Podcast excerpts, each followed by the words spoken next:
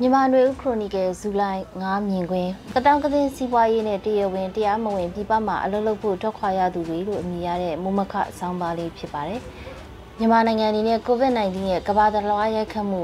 စီးပွားရေးနှိကွေးမှုကန့်သတ်မှုတွေတနစ်တိတိရောက်ချိန်မှာစစ်အာဏာသိမ်းမှုကြုံတွေ့ရပြီးကိုဗစ်ကပ်ဘေးကမလွတ်မြောက်နိုင်သေးချိန်မှာစစ်အာဏာသိမ်းမှုကြောင့်နိုင်ငံအတွင်းမတည်မငြိမ်ဖြစ်မှုတွေအနောက်နိုင်ငံအတိုင်းဝိုင်းရဲ့စစ်ကောင်စီကိုစီးပွားရေးရပိတ်ဆို့တန်ခတ်မှုတွေကြောင့် ပြပရင်းနှီးမြှုပ်နှံမှုတွေလက်တီတတိနဲ့ထွက်ခွာကြတာတွေကပြည်ရင်းစီးပွားရေးကျဆင်းမှုတွေတိတာထင်ရှားစွာမြင်တွေ့နေရပါတယ်။ရေနံနဲ့တဘာဝတန်းငွေနယ်ပယ်မှာမိုဘိုင်းဆက်သွယ်ရေးနယ်ပယ်မှာကုန်သွယ်မှုတွေမှာအသစ်မဝင်တော့တဲ့ပြပရင်းနှီးမြှုပ်နှံမှုတွေနဲ့ဘဏ်တွေကိုမယုံကြည်မှုနဲ့ငွေသားထုတ်ယူမှုအကြက်တဲ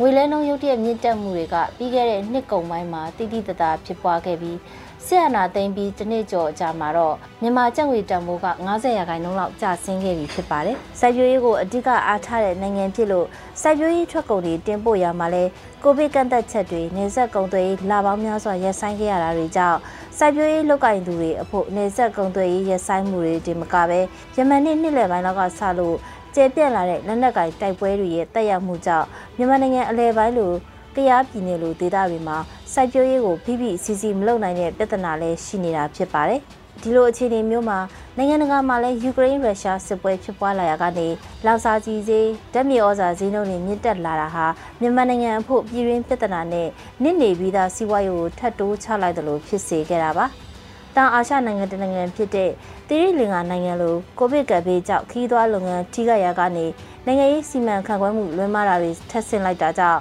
နိုင်ငံတနိုင်ငံလုံးစီးပွားရေးပညာရေးကျန်းမာရေး ကုန်ထုတ်လုပ်မှုအလုံးရပ်ဆိုင်းလို့နီးနီးအခြေအနေမျိုးကြုံနေရတာဟာမြန်မာနိုင်ငံဖို့အလားတူကံကြမ္မာမျိုးကြုံနိုင်မလားဆိုတဲ့စိုးရိမ်မှုဖြစ်စေတာအမှန်ပဲဖြစ်ပါတယ်။ယူကရိန်းရုရှားစစ်ပွဲရဲ့အကျိုးဆက်ကြောင့်ကမ္ဘာနိုင်ငံအများအပြားမှာစားနပ်ရိက္ခာဈေးမြင့်တက်မှုရေနံလောင်စာဈေးမြင့်တက်မှုတွေက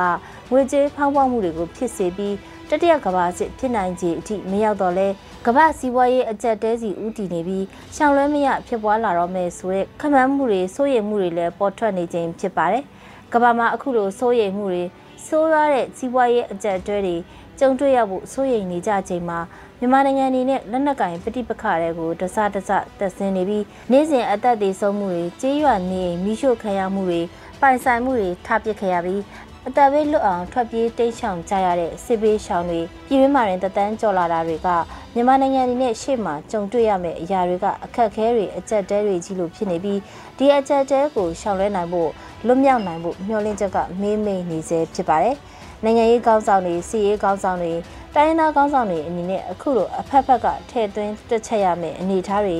နောက်ခံကပ္ပအခြေအနေကိုမျက်ခြေမပြတ်တဲ့အမျှော်မြင်တွေလိုအပ်နေကြောင်းတိုက်တွန်းရေးသားလိုက်ရပါတယ်။ ကျမຫນွေဦးလေးပြပါ။